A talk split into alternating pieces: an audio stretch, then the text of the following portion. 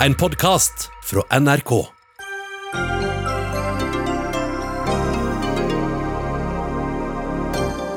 Fortsatt uklart om Nicolai Tangen blir ny oljefondsjef om knappe to uker. I morgen må Stortinget ha bestemt seg for om de vil be finansministeren om å gripe inn. Russisk opposisjonspolitiker kjemper for livet etter mulig forgiftning. Blir du ansett som en fiende av Russland, er forgiftning dessverre en del av verktøykassa, sier forsker. Ryktene om fjernsynets død er betydelig overdrevent, mener kringkastingssjefen, mens han feirer 60 år med TV-sendinger. Og Det demokratiske partiet snakker for lite politikk på landsmøtet, mener kommentator. Sånn har det alltid vært, svarer USA-kjenner.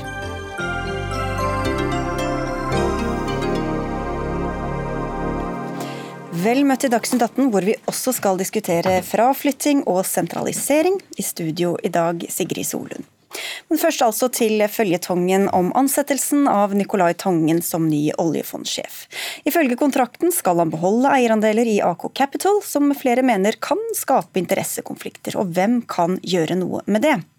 I løpet av kvelden kommer en utredning fra Justisdepartementets lovavdeling om finansministerens juridiske handlingsrom i saken, men spørsmålet er ikke rent juridisk. Tvert imot har prosessen og kritikken fra Norges Banks representantskap også ført til at saken har havnet på Stortingets bord, og i morgen skal dere i finanskomiteen der komme med en innstilling om hva som bør skje videre, Hadia Tajik, stortingsrepresentant for Arbeiderpartiet. Og tror du at dere blir enige, og at dette blir enstemmig fra deres side? Jeg håper jo det. Jeg mener at denne saken er såpass alvorlig, og den handler om en av de virkelig store institusjonene våre, nemlig oljefondet, at det vil tjene saken hvis vi klarer å stå sammen om den. Og Vi vet jo allerede nå at det er et eh, flertall som støtter hovedlinjene i kritikken fra Stortingets tilsynsorgan, altså representantskapet. Eh, og så ser vi òg at det er et flertall som mener at eh, finansministeren må ta en rolle i oppfølgingen av dette. Eh, sånn at Utfordringen og oppgaven nå blir jo å formulere dette i operative konklusjoner, sånn at finansministeren og Norges, Norges Bank har et tydelig oppdrag fremover. Og Hva det oppdraget og hva den prosessen skal være videre, kan vi komme tilbake til. Vi kan jo ta en kjapp runde lufte med de to andre rundt bordet her også. Hans Andreas Limi, finanspolitisk talsperson i Frp. Tror du at du kan bli enig med disse andre og de andre i finanskomiteen? Det gjenstår å se, fordi vi, vi er jo ikke helt i mål. Eh, men vi har hatt en veldig god, eh, god, prosess underveis, og jeg tror eh, alle partiene har tatt inn over seg hvor alvorlig denne saken er, og ikke minst kompleks. Og så er, er, det klart at vi snakker om Norges Bank, det er oljefondet, det står mye på spill. Så vi må være veldig trygge på at det vi gjør også er i henhold til lovverket og, og de formelle retningslinjene som gjelder. Så jeg har et håp om at vi klarer å, å forankre en ganske bred enighet. Og Det betyr noe også for den videre prosessen. Det er klart Nå har finansministeren varslet at han vil ta et initiativ overfor styret i Norges Bank. Og Da er det viktig at han også har med seg en veldig tydelig innstilling fra Stortinget. Kari Elisabeth Kaski, finanspolitisk statsperson i SV. Dere har jo konkludert for lenge siden, holdt jeg på å si. Men hva skal stå i den innstillingen for at dere skal kunne skrive under på den? Nei, I likhet med mine to kollegaer så er jeg altså opptatt av at eh, vi forsøker å komme til enighet. Fordi det, det, det trengs i en sak stor, eh, som er så alvorlig og som har så stor betydning. Eh, oljefondet er kjempeviktig, og det er viktig også i den jobben vi skal gjøre å kunne ivareta den tilliten og troverdigheten som, som, fondet har. Og Derfor mener jeg jo SV at vi heller ikke kan ha en oljefondsjef som, som har eh, interessekonflikter, og som det er interessekonflikter knytta til. Og det mener jeg jo også må være være en del av den konklusjonen som vi kommer fram til. Jeg nevnte at eh, Justisdepartementets lovavdeling skal komme med en eh, utredning i dag. Det ligger jo en eh, på bordet fra tidligere, men Hadia Tajik, hva får det å si hva, hva lovavdelingen til Finansdepartementet kommer fram til? Nå er jo dette en utredning som finanskomiteen ikke har bedt om. Vi kjenner ikke til Eh, akkurat hva det er eh, finansministeren har bedt eh, Lovavdelingen utrede, om det altså er hva han ikke kan gjøre for Norges Bank, eller om det handler om hvilket handlingsrom han har, altså hva han kan gjøre. For det er jo ingen tvil om at det kan være en kontakt mellom finansministeren og Norges Bank, og at det kan ligge noen premisser i den kontakten. Så jeg vil jo lese utredningen med stor interesse når den kommer, men mer enn noe annet så opplever jeg at det er en innrømmelse av at det var et feiltrinn av finansministeren å be et privat advokatselskap med bindinger til Nicolai Tangen om å gjøre den første utredningen i utgangspunktet. Men nøyaktig hva er det da Sanner kan gjøre? Eh, altså, eh, En finansminister kan ha kontakt med en institusjon som Norges Bank, som tross alt ligger under finansministeren. Det er jo finansministeren sjøl som eh, utnevner hovedstyret gjennom Kongen i statsråd.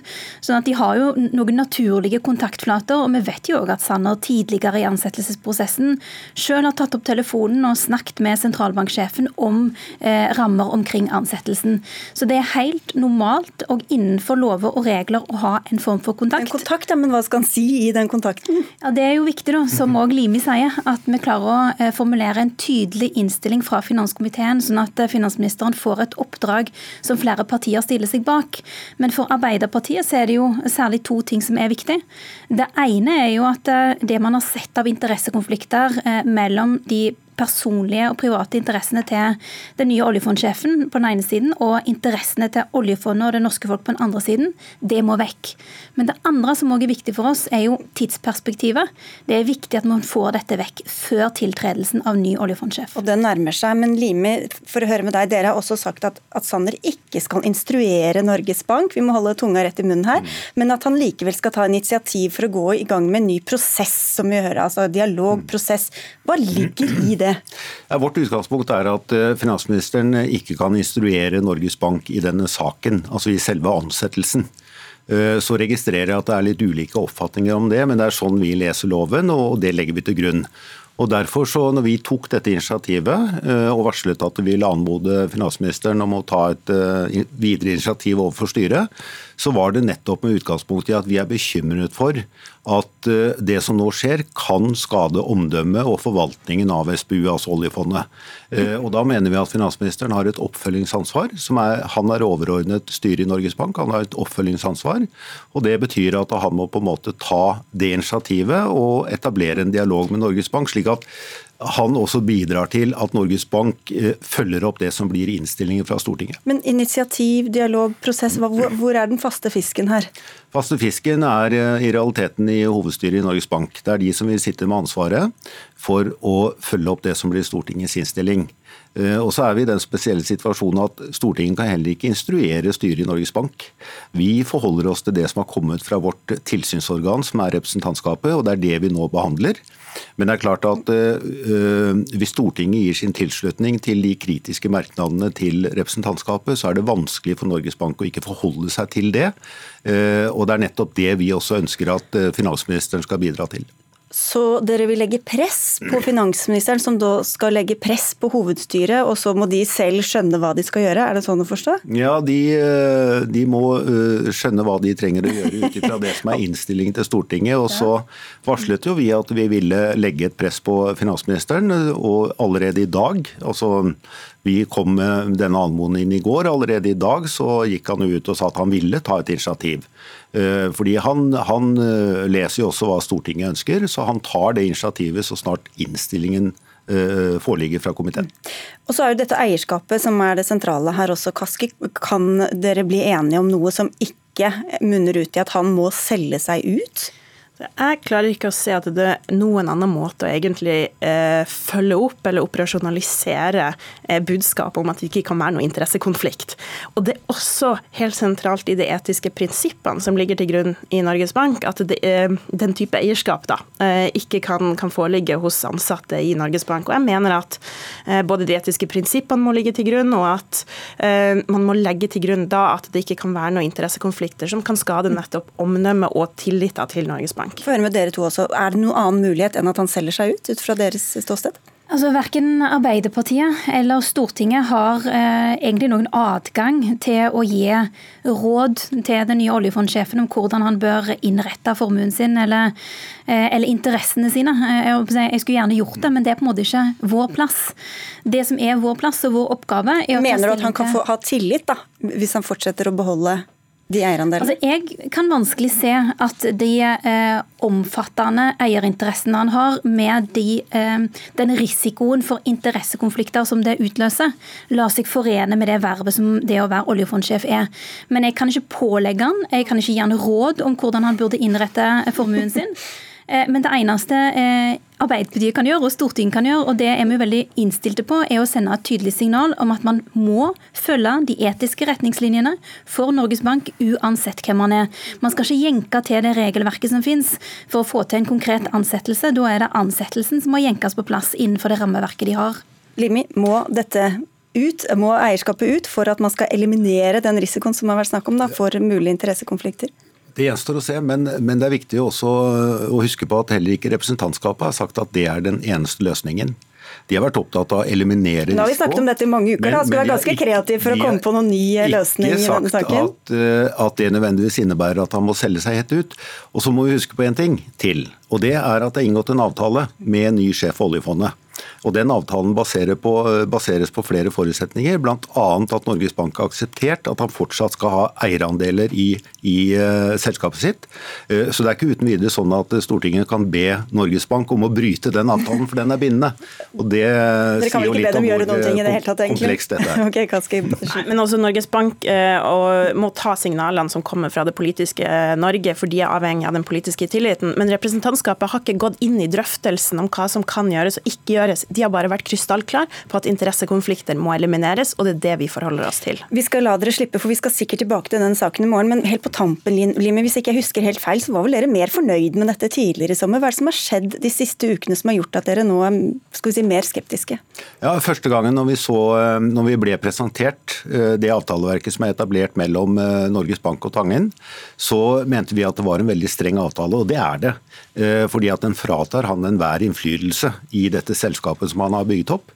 Men så eh, har jo representantskapet en helt annen mening. og Det som er uh, vår bekymring, er at avstanden mellom representantskapet og, og hovedstyret i Norges Bank er for stor.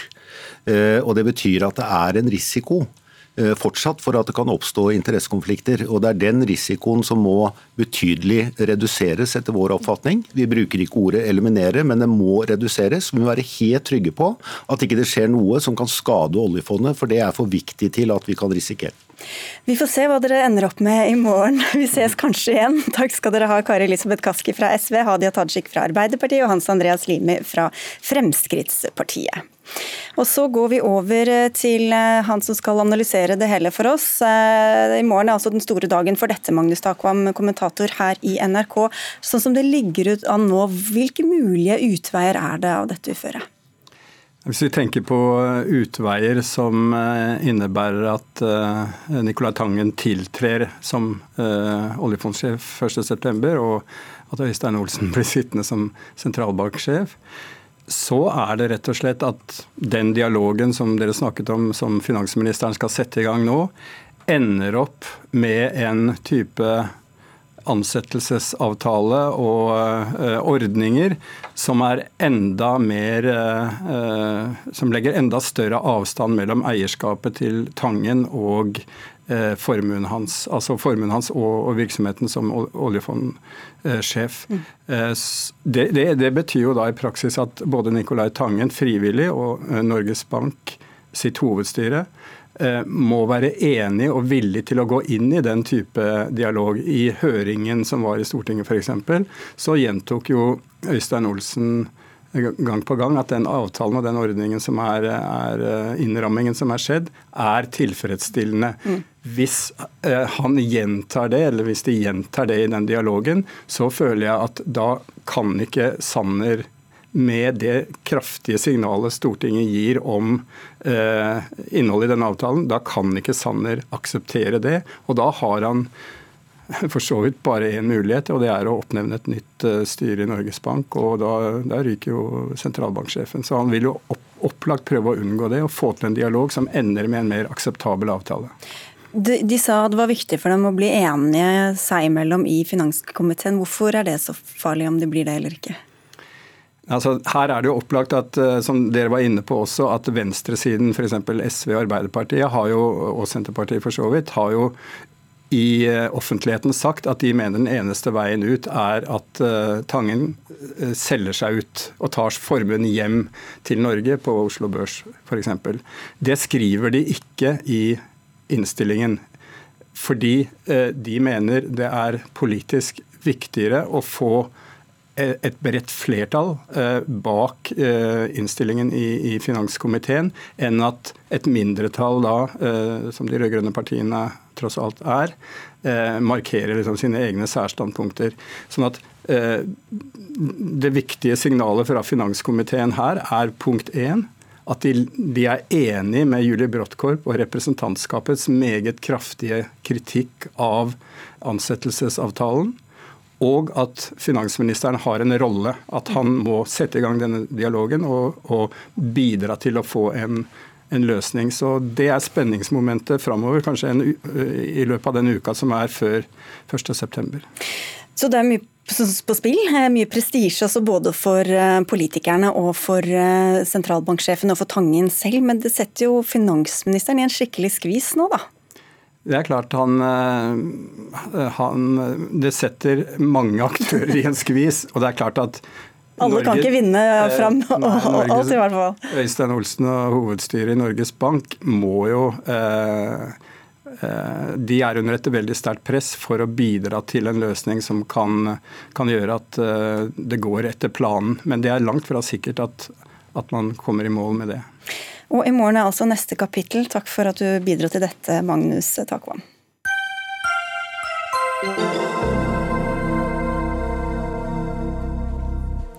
Da skal vi markere et jubileum her i eh, Dagsnytt 18. Det gjør vi ved å gå ganske nøyaktig 60 år tilbake i tid, og til kong Olavs offisielle åpning av NRK Fjernsynets ordinære sendinger. Jeg vil håpe at norsk fjernsyn vil makte sine oppgaver. Og kunne være underholdende og gi lærdom gi nye erfaringer, nye impulser, der hvor den kommer inn i de tusen hjem. Ja, Kringkastingssjef Tor Gjermund Eriksen, hva sier du? Fikk eh, kongen ønskene sine oppfylt? Altså Det fantastiske i dag er jo å se hvordan både kong Olavs og også Einar Gerhardsens tale oser av eh, skepsis om det norske folk tåler dette nye mediet TV. Uh, og så kan vi vel etter 60 år si at TV har vært fantastisk. Det har brakt oss sammen, det har brakt kunnskap. Uh, og det er blitt en, en del av det, altså det viktigste medium i menneskenes liv de siste 50 årene fantastiske opplevelser, men også selvsagt formidla sorg og, og, ulykker og sånt. Men så har det jo, som du sier, det gikk jo veldig veldig godt veldig lenge. Og så har det hatt en liten nedgang og ti, i tiårene etter denne eventyrlige veksten. Eller ja, nå eh, surra jeg det til fryktelig her, som kan skje på direktesendt TV. Så vi går til 2007, for da sa Bill Gates, noe du også har sitert i dag, han grunnleggeren av Microsoft altså, at TV slik vi kjenner det er dødt om fem år. Traff han? Nei. Det gjorde han ikke. Eh, men han har ikke helt feil, for TV er litt annerledes. Men vi ser at um, å diskutere lineær-TV eller ikke er uinteressant, egentlig. For det live-TV, eller direkte-TV, står sterkere enn noen gang. Og så det som ikke er direkte, som er, eh, det velger vi sjøl når vi vil se. Og bruken av TV-innhold, video, den er større enn noen gang. Og så er det én ting til. Vi vet jo ikke helt hva Bill mente. da. Den gangen så forsto vi det som om liksom den store skjermen skulle være borte. Der tok han definitivt feil. For bruken av den store skjermen, den øker ganske mye nå. Vi kan komme litt til det. Gunn Endelig, professor i medievitenskap ved Universitetet i Oslo. Hva var grunnlaget for denne spådommen? Altså det Å spå TV-mediets død, det har jo vært en sport siden midten av 90-tallet. Altså, mange har spådd TV-mediets død uh, pga. teknologiske nyvinninger, og at uh, man så at uh, internett ville komme, og at det ville overta.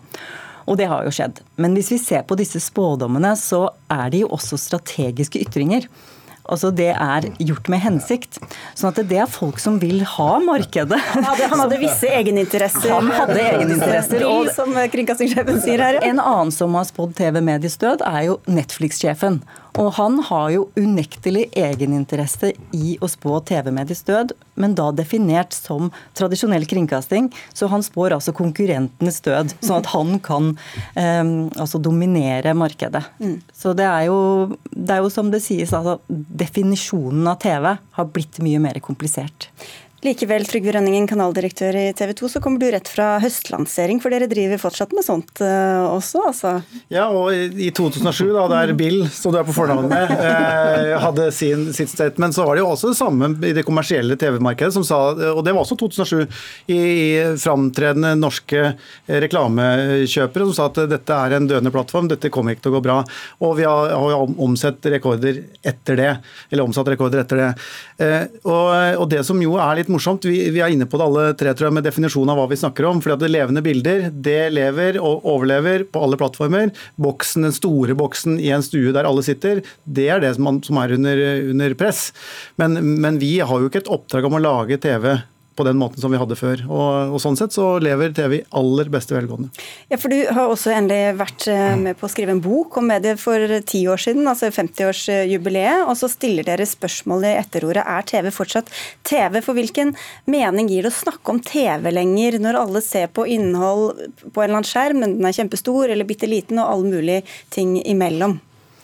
Ja, det er jo veldig vanskelig å snakke om TV uten å bruke noen former for støtteord eh, for å forklare om man mener lineær-TV, eller om man, eh, om man mener strømme-TV, eller om man, om man mener kringkastings-TV.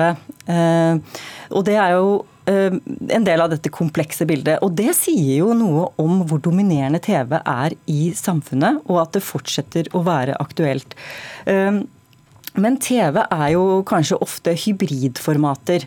Sånn at eh, er TV fortsatt TV, så er det ofte TV pluss noe annet. Altså at man eh, lager TV-programmer eh, i sammenheng med en annen plattform. F.eks. digitale plattformer, sosiale medier brukes. altså Det er ikke sånn standalone-medium-TV. Men det er jo det er på ingen måte grunnlag til å si at TV-mediet er dødt. Eh, alle, alle, tidligere medier eh, stort sett eh, har jo vist seg å overleve, da. Men når dere da skal lage TV-programmer, hva må dere tenke på nå, som de for 50-60 år siden aldeles ikke trengte å ta med i vurdering? Åh, oh, det er mange ting. Jeg, jeg bare humra litt, for å beskrive TV er ikke så lett i dag. Så her i huset så har vi noen år kalt det TV-TV. Når det er gamle, og så har det vært andre, andre varianter måter. Nei, altså det, det, spørsmålet ditt eh, der er jo veldig viktig. For eh, en mye viktigere eh, hendelse enn i 2007, hva Bill Gates sa, det var jo februar 2013. Da lanserte Netflix House of Cards som den første dramaserien som virkelig dro inn i de norske hjem. Det har ført til at vi må tenke helt annerledes rundt kvalitet og rundt innhold. Vi er i en global konkurranse hele tiden. De norske historiene må oppleves kvalitativt fortalt like godt mat som, eh, som de dyreste i hele verden. Og, og vi er nødt til å, å, tenke Det er jo ikke veldig viktig for, for, oss hvordan folk eh, på en måte ser nyheter, men, men, eh, eller ser drama, eller når de gjør det. Bare vi når fram med historien. og Det har vi sett nå, ikke minst under denne koronakrisen. Ja, og det, det, gjelder jo for så vidt den gamle historien om at det er innholdet som gjelder. Eh, hvis vi gjør en kanonsesong med Farmen, da, som vi har lansert igjen, igjen i dag, så, så, ses den veldig mye om, enten om du ser det på TV2 Sumo på en iPad eller på et, et gammeldags TV-apparat. Så, så, så, sånn sett, den gode historien den står nesten uansett hvordan du snur og vender på selve mediet. Og den annen, annet aspekt er at det vi driver med, er jo også det å, å formidle ting. Og, og i disse tider, fake news som da er et, et nyord vi omgir oss med, så har jo vi nettopp den viktige rollen at det mediet vi spiller ut på ulike plattformer, er med å, å, å gjøre oss allmenngyldige som, som nasjon. Og, og, Det vi ser da på norske aktører som skal konkurrere med de eh, globale, det er jo at dere får mye mer direkte-TV. Eh, fordi vi er tett på folk. Eh, vi kjenner den norske virkeligheten, og det norske folk stoler på oss. og Det er en veldig viktig konkurransefortrinn. Du nikker endelig. Er det gode strategier vi hører rundt bordet her? Ja, altså Mens disse spådommene pågikk om TV-mediets død, så har jo disse herrene og andre medieledere vært veldig strategiske. De har reorientert seg i markedet. De har funnet nye eh, nisjer og funnet ut hva er det som er appellen eh, sant, i markedet som ikke dekkes av strømmetjenestene. Og de har også søkt eh, samarbeid eh, med aktører utenfor seg selv. Siden dette også var litt tilbakeskuende, så får vi jo avslutte med hva, hvilke TV-øyeblikk dere husker best fra de siste 60 årene. Eriksen, har du noe? Ja, Det er flere, men jeg tror at jeg husker månelandingen. Da var jeg akkurat så gammel at jeg har mulighet til å huske det. Kan hende jeg ble fortalt så mange ganger at jeg er blitt overbevist om at jeg husker det. Hukommelsen er lunefull. Den er lite til å stole på. Ja, nei, men det, det er jo å være sjenerøs på en dag som denne. Vi må gratulere NRK med seksårsdagen. Så er det jo to NRK-øyeblikk som jeg husker, fordi det er så, som historiefortelling så enkelt, men likevel så dramatisk. EF 72 med den pila som står bak programlederne. Det er dram drama uten at det er drama. ikke sant? Og, og så tror jeg som et stort sportskjærte at, at Oddvar Brå brakk staven og, og ski-VM i Oslo 82 tror jeg er et forholdsvis stort TV-øyeblikk. Ja, og det er jo også NRK som står for de minnene som jeg forbinder mest med TV, og det er jo kanskje barne-TV. Altså da Pompel og Pilt rett og slett satt skrekken i oss, ja. Det glemmer vi aldri. Ikke søk det opp, alle barn, men eh, takk skal dere ha for at dere kom, i hvert fall Trygve Rønningen fra TV 2, Gunn Endelig fra Universitetet i Oslo og kringkastingssjef Tor Gjermund Eriksen.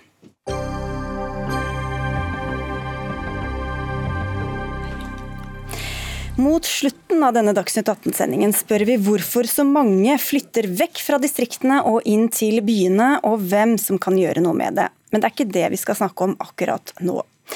Han begynte dagen med en kopp te på flyplassen. Nå kjemper han for livet på et sykehus i Sibir, og mye tyder på at den russiske opposisjonspolitikeren Aleksej Navalnyj er blitt forgiftet. Russland-korrespondent Jan Espen Kruse, hva vet vi om tilstanden hans nå? Vi vet at tilstanden til Navalny er alvorlig, men stabil, blir det sagt fra sykehuset. Han ligger i respirator, og ifølge legene så kan han ikke flyttes på. Det har vært gjort forsøk, eller hans fastlege i Moskva sier at han undersøker muligheten for å frakte Navalny til sykehus, muligens i Tyskland. Og, men det sier legene i, i, Omsk, der han er nå, at det er ikke mulig å få til. Vet vi om han er blitt forgiftet? Det er ikke bekreftet offisielt. Det er en av mulighetene, et av alternativene som undersøkes nå. Og Det blir sagt på, fra sykehuset i, Sibir da, at uh, muligens vil det komme noe mer i, i løpet av kvelden. At man får vite mer om, om det da. Men det var denne koppen med te. da, Det er det eneste han inntok i morges, sier hans medarbeidere. Og han ble veldig dårlig på dette flyet, og det måtte foreta en, en ekstra landing i Omsk, da, sånn at han kunne komme på sykehus. Så det er, det er personene rundt han som påstår at det er forgiftning, men det er ikke bekreftet uavhengig. Og Kreml har ønsket god bedring, men hva mer sier russiske myndigheter? Ja, De sier at uh, dette må undersøkes, bekreftes av et laboratorium før man kan slå fast at det er en uh, forgiftning. Uh, og så sier de at hvis det kommer en forespørsel om å, å frakte Navalny ut av landet til behandling andre steder, så skal myndighetene vurdere det. men ellers så sier de at legene gjør nå alt de kan for å, å redde livet til opposisjonspolitikere. Ja, Vi skal komme litt tilbake til denne mulige forgiftningen, men Julie Wilhelmsen, seniorforsker ved NUPI, litt om konteksten her først. Hvem er han egentlig? Navalny er i utgangspunktet en blogger som har fokusert på korrupsjon i Russland, men han har vokst til å bli den viktigste opposisjonspolitikeren utenfor det systemet, som institusjonelle systemet som på en måte Putin kontrollerer. Han er jurist av utdannelse og har klart å mobilisere mange i Russland rundt paroler som har gått på da selvfølgelig korrupsjon og det, den påstanden at russiske myndigheter stjeler penger fra det russiske folket. Han har vært veldig dyktig på å bruke sosiale medier. F.eks. har han laget filmer hvor man ser med all tydelighet hvor mye penger som har blitt brukt på f.eks. tidligere statsminister Medvedevs store luksusboliger osv. De siste eh, par årene så har jo misnøyen i Russland øket mot eh, misnøyen med Putin-regimet. Og da er det klart at eh, han har på en måte kunnet eh, bruke den eh, eh, bølgen, og, og, har derfor blitt en, en, en, farlig mann. Og han har jo også stadig vekk vært Man har forsøkt å stanse ham. Altså, han ble arrestert første gang i 2011, tror jeg. Han har hatt en slags oppkonstruerte rettssaker mot ham og hans antikorrupsjonsstiftelse. Så, så ting, ting henger sammen her. Han representerer rett og slett en farlig opposisjon for regimet i Russland. Ja, hvorfor er han så farlig for Putin? Nei, eh, først og fremst fordi at eh, Putin jo har vært veldig populær i mange, mange år. Men de siste årene så er han ikke det. Uh, og uh, Da er altså det store spørsmålet hvem er det som klarer å spille på den misnøyen som finnes i befolkningen, og, uh, og fremstå og agere som en leder. Og så er selvfølgelig den enda bredere konteksten her at vi har hatt en såkalt fargerevolusjon, som russerne kaller det, i Ukraina, på Maidan, som vi alle husker, som medførte at, at presidenten måtte gå. I disse dager har vi store demonstrasjoner i forbindelse forbindelse med valget i Hviterussland. Og dette oppleves nok som en slags eksistensiell trussel eh, for Putin. Det å jobbe mot at en slik eh, revolusjon skal finne sted i Russland. Så til denne potensielle forgiftningen. Øyvind Woie, du er forskningsleder ved FFI, Forsvarets forskningsinstitutt. Det høres jo ut som en Agatha Christie-roman med gift i, i teen. Hvor eh, i gåse, hermetegn vanlig er sånne metoder? Eh, ja, Heldigvis ikke så veldig vanlig, men eh, det kan jo ligne på en tidligere sak. En, eh, et attentatforsøk i 2004 mot journalisten Anna Politovskaja. Hun drakk noe te og ble akutt syk, og man antok at hun hadde blitt forgiftet. Da. Så, mm. Og så, Hva vet vi om hvordan, hva slags gift de bruker, og hva det kan si om hvem som potensielt står bak? Eh, det er jo veldig variabelt hva slags eh, virkestoff som brukes. Eh, når det gjaldt denne Polsovskaja, så mente man kanskje at det var gelsemium, en plantegift fra Asia. Men så hadde vi jo Litvinenko. Han fikk også noe i tekoppen, spekulerte man i. Og det kunne vært en liten dråpe polonium, som er et radioaktivt stoff. Og det er noe helt annet. Eh, for det er så vanskelig og dyrt å, å framstille. Eh, det krever at du har en kjernereaktor. Mm. Og det er ikke så mange som har det. da. Men å utvinne en plantegift, det kan kanskje flere gjøre. Mm. Det er, det, og dette er bare noen eksempler. Det er jo flere også, Wilhelmsen, hvor man mistenker i hvert fall at russiske myndigheter står bak.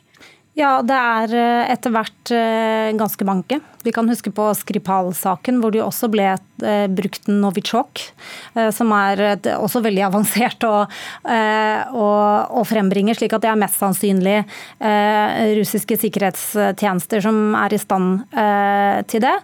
Og så har vi andre saker, kanskje viktigst mordet på opposisjonspolitikeren Nemtsov eh, i 2015. En veldig dramatisk situasjon hvor han ble skutt på åpen gate rett på si, dørstokken til eh, Putins kontor omtrent. Men det som så det er litt sånn vanskelig å kanskje slutte fra metode til hvem som står bak, for det er såpass mange Eh, både lojale eh, medspillere som Putin har, som f.eks. Eh, lederen i Tsjetsjenia i dag, Ramzan Kadyrov, som ofte nærmest gjør det som en slags sånn lojalitetserklæring. Mm. Det er ikke nødvendigvis beordring, beordring men, men, han gjør det som en slags gave, da, skal man si, altså for å vise lojalitet til Putin ved å fjerne hans kritikere. Det, og det kjennetegner jo også rettssaken sakene her at vi, vi, får aldri vite hvem som egentlig står bak. Men like fullt så er på en måte Putins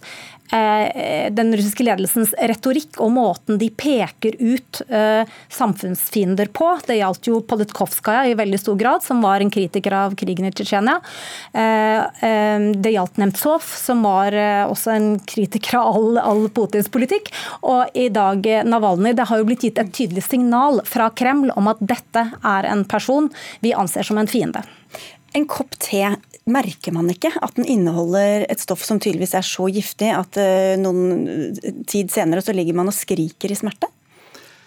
Uh, ja, Det som er typisk med en gift, er at det krever veldig små mengder for å ta livet av det. og når det er så, Selv om de kanskje har en, en lukt, da, sånn som cyanid f.eks., som vil smake bitre mandler, så er det såpass små mengder at det er lett å maskere blant andre smaker i det du spiser eller drikker. Da. Og så må man ikke nødvendigvis få det i seg, eller andre gifter holder med, med berøring? Eh, kanskje? Ja, f.eks. Eh, du hadde jo disse sakene med nervegass. Eh, du hadde jo den Skripal-saken f.eks., så mente man jo bare at det var rett og slett bare påsmurt et dørhåndtak. Da, og at den berøringen og hudkontakten var nok til at eh, de fikk tatt opp dette stoffet og mm. fikk en effekt.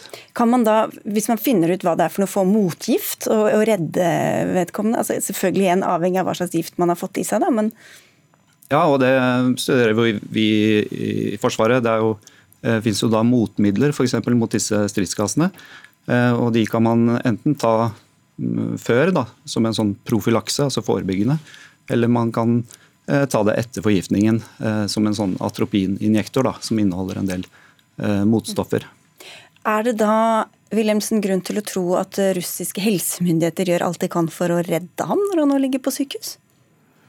Um, ja, det vil faktisk, ja, men ja, det vil jeg faktisk tro. For det at russerne er også bare vanlige, stort sett anstendige mennesker. Og legene vil være profesjonelle og forsøke å, å redde Navalnyj. Vi får håpe de lykkes. Takk skal dere ha begge to, Julie Wilhelmsen og Øyvind Woie fra FFI. Takk.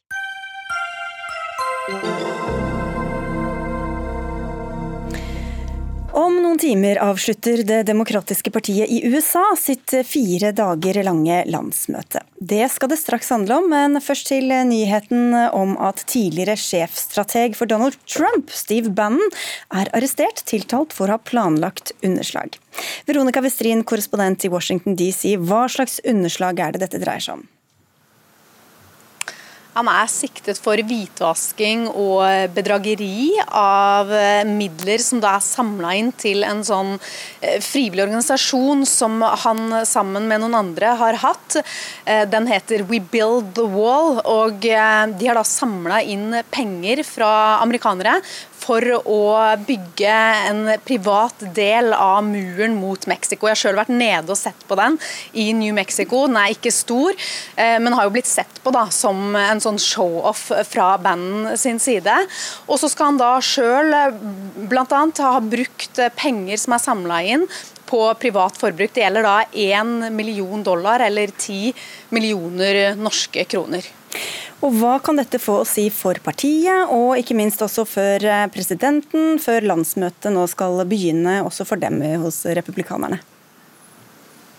Det er selvfølgelig ingen heldig situasjon verken for det republikanske partiet, som samles til sitt landsmøte til mandag, eller for Donald Trump, som jo har hatt han som en sjefstrateg, og som også var involvert med han etter at han tiltrådte som president. Han har sjøl kommet med en uttalelse i dag, Trump, hvor han tar avstand fra dette og sier at han også tidligere har uttalt seg kritisk mot bygging av en sånn privat del av muren, fordi han har ønska at den skal bygges med offentlige penger, og også at han ikke har hatt noe kontakt med banden på lang lang tid.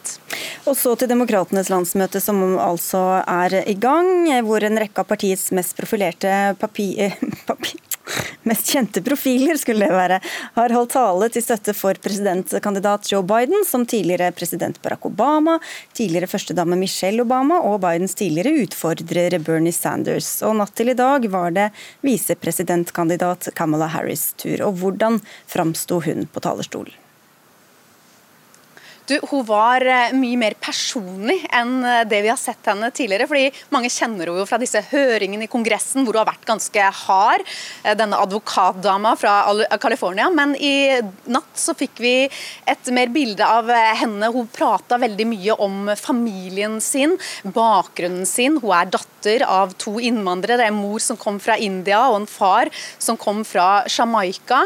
Og hun prata Vi fikk møte, se en video av av hennes eh, stedatter, eh, søstera hennes og niesa hennes. og hun prata veldig mye om disse familiære verdiene, og også ikke minst eh, om den moderne familien. Moren hennes ble skilt fra faren da hun var liten, og fortalte hvordan moren formet hennes oppvekst ved å få henne til å bli en sterk, svart kvinne. Mm. Kristina Pletten, kommentator i Aftenposten, du følger også den amerikanske valgkampen tett. Hvordan vil du oppsummere Demokratenes landsmøte nå rett før Joe Biden skal holde sin viktige tale?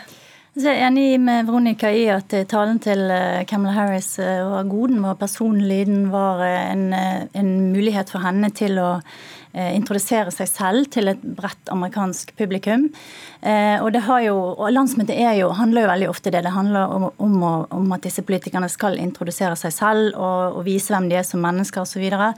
Men generelt sett eh, så har jeg nå har jeg sett ganske mange av talene, og jeg syns de er litt kjedelige. Det er mye floskler, det er mye snakk om verdighet, og det er veldig mye angrep på Trump. Og veldig lite konkret politikk fra demokratene. Hva de har tenkt å gjøre, hvordan de har tenkt å utfordre Trump-regjeringen politisk. Hvordan de har tenkt å, å, løse denne store koronakrisen som de er inne i. Så jeg håper i kveld når eh, Joe Biden skal tale, at vi får litt mer kjøtt på beina da. At det kommer noe litt mer konkret frem. Nå er jo ikke dette som regel forum for veldig sånn detaljerte politiske utlegninger. Men likevel så tenker jeg at det er en fare for eh, demokratene nå at de lar veldig mye av valgkampen handle om Trump. Er du enig, Jan Arild Du er forfatter av den ferske boka 'Trump-sjokket', og ellers journalist i Tankesmien Civita? Eh, I, i, nettavisen Minerva. jeg vet ikke hva som Faktisk. står Men det er nå så. Um, ikke helt. Jeg tror det er eh, en klok strategi for demokratene å la Trump tape valget. Altså la det handle om han. Fordi han er såpass upopulær eh, at eh, jeg tror det er bedre enn å ha altfor mye detaljert politikk. Selv om Biden har utformet det i det siste og fått mer detaljer på plass. Problemet med det er at de koster veldig mye penger. De pengene har han ikke. Dette kommer han ikke til å gjennomføre. Så det er en fordel å ikke love for mye, tror jeg. For det er helt gratis å kritisere Trump? Det er gratis. Og Trump gir ammunisjon, gratis ammunisjon hver eneste dag. Eh, så, så det, det, ville jeg ha gjort. Eh, så får vi se. Eh, men, men til dette med talene, så er det sånn det, For meg er det påfallende hvor lite energi det blir når det ikke er noen i salen til å jazze deg opp. Jeg så Camilla Harris når hun da sier at 'jeg aksepterer nominasjonen', som er liksom den virkelig store tingen. Så, så lager hun en liten pause det er her applausen skulle ha vært. Eh, men det er jo ingen der til å applaudere. Ja, det er litt vondt å se på, nesten. At her, du ser at her forventer de et jubelbrus, og så er det ingen der. Ja, du burde gjort som på fotballkampene, lagt på. Men du skriver også Pletten om hvordan eh, hun nå blir brukt av eh, de som ikke ønsker noe maktskifte, og at vi ser også konspirasjonsteorier om hennes bakgrunn. Ja, og disse teoriene, konspirasjonsteoriene og ryktene har jo versert en god stund. Men eh, de kommer jo til overflaten nå. Jeg tror det er første tegn på at dette vil bli en ganske stygg valgkamp. Um, like etter at Biden nominerte henne, så kom det et, eh, en artikkel, en tekst fra en eh, jusprofessor som eh, la ut en eh, argumentasjon for at hun ikke eh, er kvalifisert til å stille som visepresident. Noe som Trump da senere på en pressekonferanse ble spurt om og plukket opp. Og han lanserte da også en slags teori om at hun ikke er født i USA. Og det er viktig å merke seg faktisk at i talen så sier hun faktisk at hun var født i Oakland. Det putter hun inn litt sånn subtilt, som tror jeg et lite sånn forsiktig motangrep. Hun har sagt tidligere at dette forventer hun, hun er vant til det. Sannsynligvis kommer det mer, sier hun. Men jeg tror likevel at det er mm, eh, det er ting som tyder på at dette her kan bli ganske ille. Og i Aftenposten så snakker vi også en del om eh, hvordan vi skal dekke Trump, hvordan vi skal skrive om disse tingene. Skal vi lenke til eh, sånne ting som folk kaster ut eh, på nettet? ikke sant? Eh, så når jeg skrev om denne teksten til denne professoren, så valgte jeg faktisk å verken bruke navnet hans eller lenke til den, fordi at jeg, det syns jeg faktisk ikke den var verdt da. Men, men, det er en veldig vanskelig balansegang, og, og det blir en, en, viktig debatt om debatten også, tror jeg, i, i ukene og månedene fremover. Republikanerne er vel preget av å ha Trump som president. Demokratene har beveget seg til venstre, har vi sagt. Hva, hva tror du denne avstanden noen kan gjøre med den valgkampen som vi står overfor? Nei, altså dette er jo en lang trend på større polarisering, større forskjell mellom partiene og også deres velgere. Og Det underbygger jo altså, Det betyr at flere av velgerne er veldig negative til det andre partiet eh, på begge sider. Eh, og Det gjør jo at en valgkamp ofte kan bli giftigere. Men så kommer da Trump på toppen av det, som jo har sin helt spesielle stil, der han, alle sine motstandere får sitt eget kallenavn, f.eks., som jo er noe nytt. Altså, så han drar om den skruen et par hakk til. Og Så er det spørsmål da, hvordan skal demokratene behandle det? Skal de, skal de svare med samme mynt, eller skal de være mer siviliserte? For Biden så er det naturlig å, å tone det ned. Men det kan godt hende at Camelot Harris får eh, oppgaven med å være sånn pitbullen her. da. Altså, det er ikke sånn at Biden ikke vil angripe Trump, det kommer han til å gjøre. Men, han vil gjøre det med verdighet? Han vil gjøre det med litt annen type ordvalg enn en andre gjør. Nettopp fordi en del av budskapet hans er at dette er et unntak i amerikansk historie. Nå skal vi tilbake til noe mer normalt og noe mer verdig rundt presidentembetet. Da kan han ikke bruke samme virkemidler som Trump. Men Du sa du har blitt polarisert og at det er mer misnøye med det andre partiet. Men hvor sterk lojalitet er det til de, det partiet man vanligvis stemmer på, da? Når du ja, tross alt bare har to å velge mellom? Det er jo da litt uh, motstykke på det at uh, stammelojaliteten er økende. og Det betyr jo at uh, de aller fleste republikanere stemte på Trump sist. Det kommer de til å gjøre nå også men kanskje noen færre. Og så er det en tredje gruppe, de som definerer seg som uavhengige. Mange av dem heder mot et annet parti. Men der er det mulig å hente velgere, og der kan Biden hente, og det, det gjør han allerede. Han har tatt, det var en morning i Washington Post i dag, der han tar 9% av Trumps velgere fra 2016, men Trumps tar omtrent halvparten fra den andre siden. Hvor avgjørende blir de neste ukene og månedene, tror du, Eller neste tida for det faktiske valget? Ja, det blir eh, selvfølgelig eh, veldig avgjørende. Ehm, det er jo som noen sier her Eh, slik at Trump ligger dårlig an. Det har han gjort ganske lenge. Det er mange som ønsker at han ikke skal vinne gjenvalg. Men jeg tror ikke det at det er selvsagt at han ikke gjør det. Jeg tror at både Biden og Harris må finne en god strategi. Eh, de, de kommer ikke til å kunne være ute på samme måte som de har vært i vanlige valgkamper og møte velgere. Det er en utfordring. Så man må på en måte finne opp kruttet litt på nytt da, og, og, og finne måter å, å engasjere og motivere velgere på. og få de til å faktisk gå og stemme, som også er kjempeviktig i amerikanske valg. Og én ting Trump gjør som Biden ikke gjør, det er at han faktisk sender folk ut for å registrere og, og motivere velgere som går dør til dør, noe demokratene foreløpig ikke gjør. Så det er også et interessant taktisk valg. Da. Og I kveld eller i natt skal altså Joe Biden holde tale. De som er interessert kan holde seg våkne. Takk skal dere ha begge to. Jan Arild Snoen, journalist i Minerva, og kommentator i Aftenposten Kristina Pleten. Hør Dagsnytt 18 når du vil. Radio NRK Radio.nrk.no.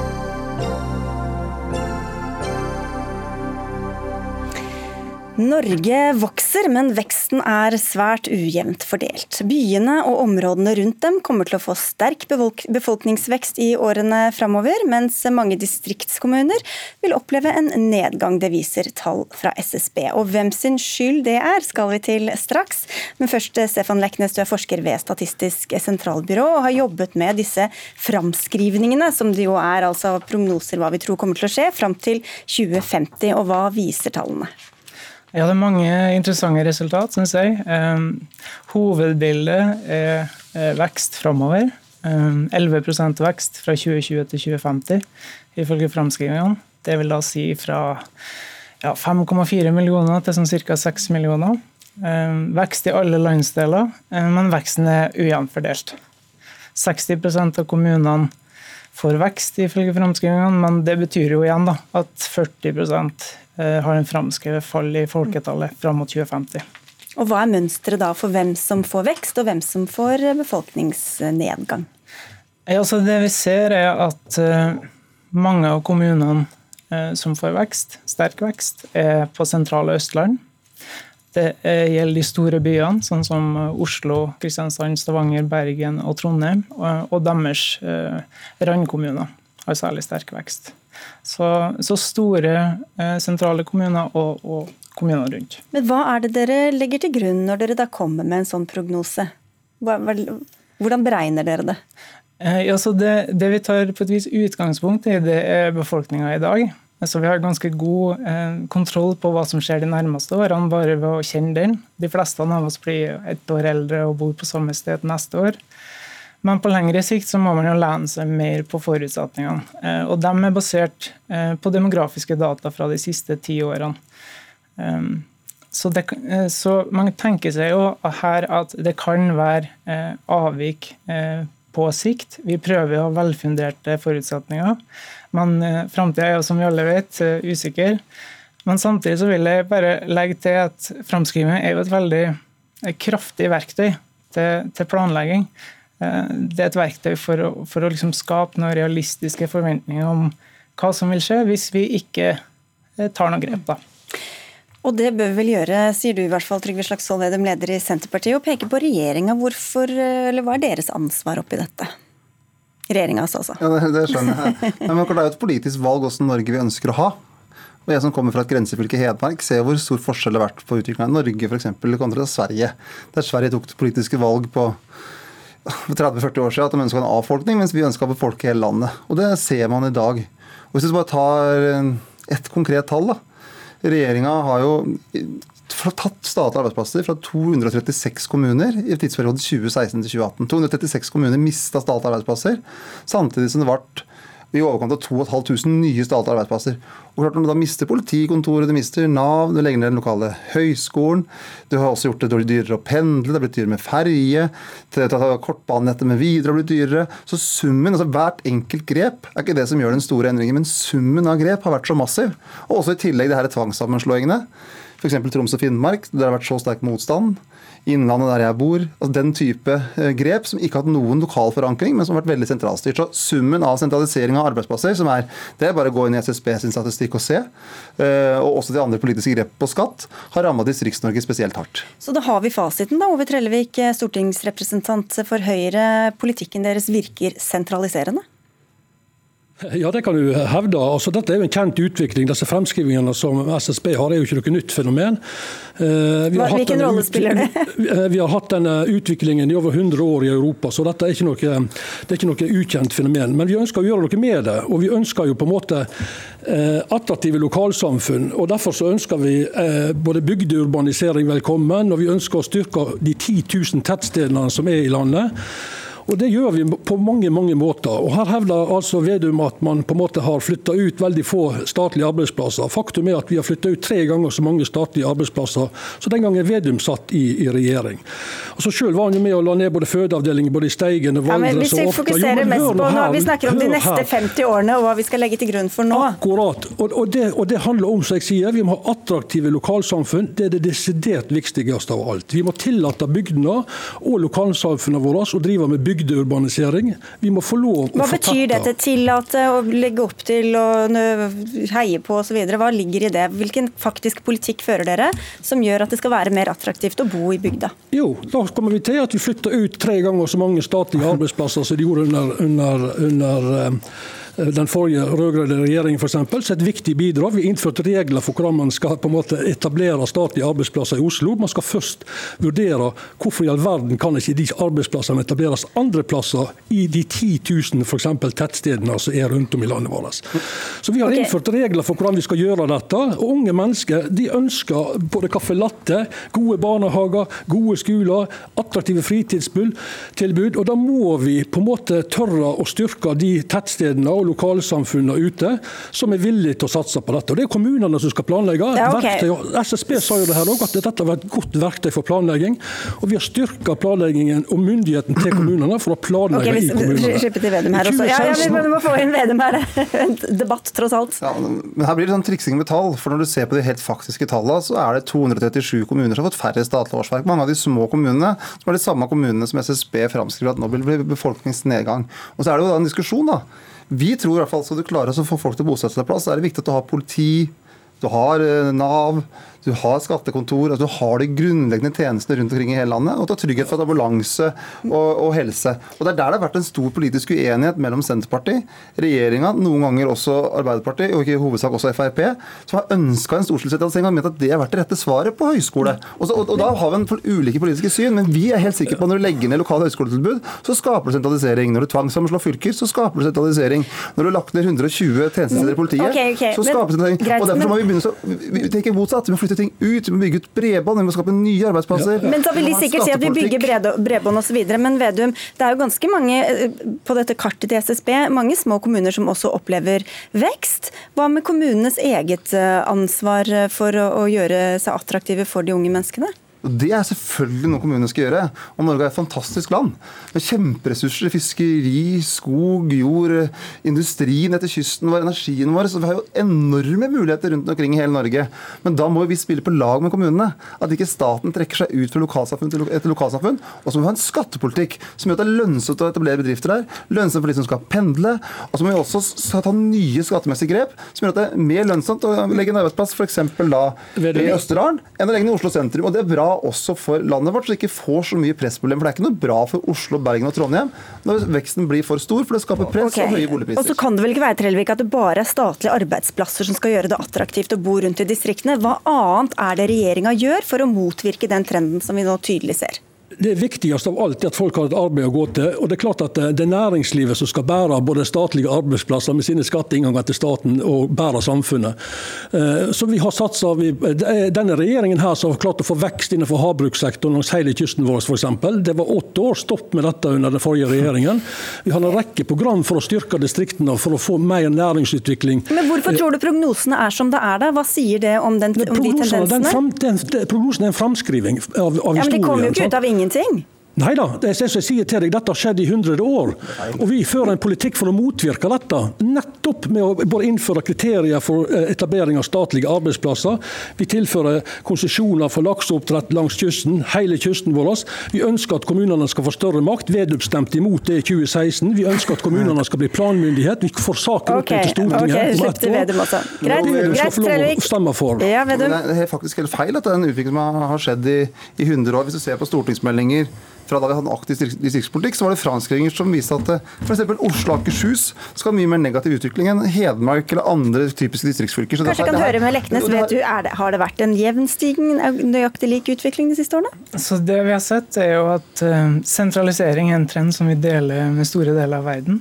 Uh, hvis vi ser det lange bildet, så har det vært sentralisering i Norge fra begynnelsen av 1800-tallet. Mm.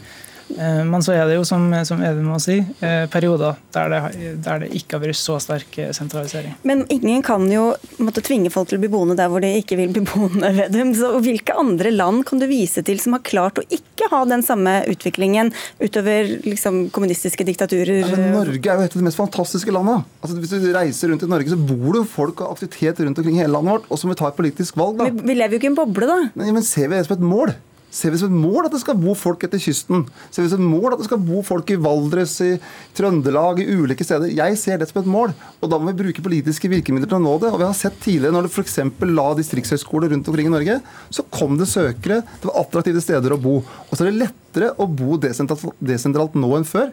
Pga. bredbånd, teknologi, det er kortere avstander. Men da må vi legge til rette for det, ikke sentralisere sånn som regjeringa gjør. For det har man jo gjort. da, og Det er en en ærlig sak å mene at det er klokt å f.eks. legge ned 120 tjenestesteder i politiet, men det har en konsekvens. til At det blir færre arbeidsplasser lokalt, og at det blir dårligere tjenestetilbud lokalt. Og så mener Høyre at det blir bedre sentralt. Men der er vi uenige. Og så får vi diskutere hvilket land vi vil ha. Vi vil ha det mangfoldige, fantastiske Norge, og da må vi bruke ressurser på det. Ok, Trellvik, du har hatt 15 sekunder. Er det sånn? Er det et mål for dere at det skal bo folk i, i hele landet? Ja, Derfor er det utrolig viktig å støtte opp under en politikk som gjør at disse, ti, disse tusen tettstedene utvikler seg positivt og blir gode motorer for næringsutvikling og gode motorer for samfunnsutvikling, der folk kan leve og bo og ha trygge, gode nærmiljø, trygge eh, fritidstilbud og leve gode liv. Folk blir urbane, og den bygdeurbanismen som jeg er svært tilhenger av, den har gjort stor suksess langs kysten i mange mange tiår. Stikkordet for uenigheten mellom dere, bygdeurbanisme eller lys i alle vinduer. Takk skal dere ha alle tre for at dere kom til Dagsnytt 18, som nå er over. Dag Dørum, Frode Thorshaug og jeg, Sigrid Solund, sier takk for følget.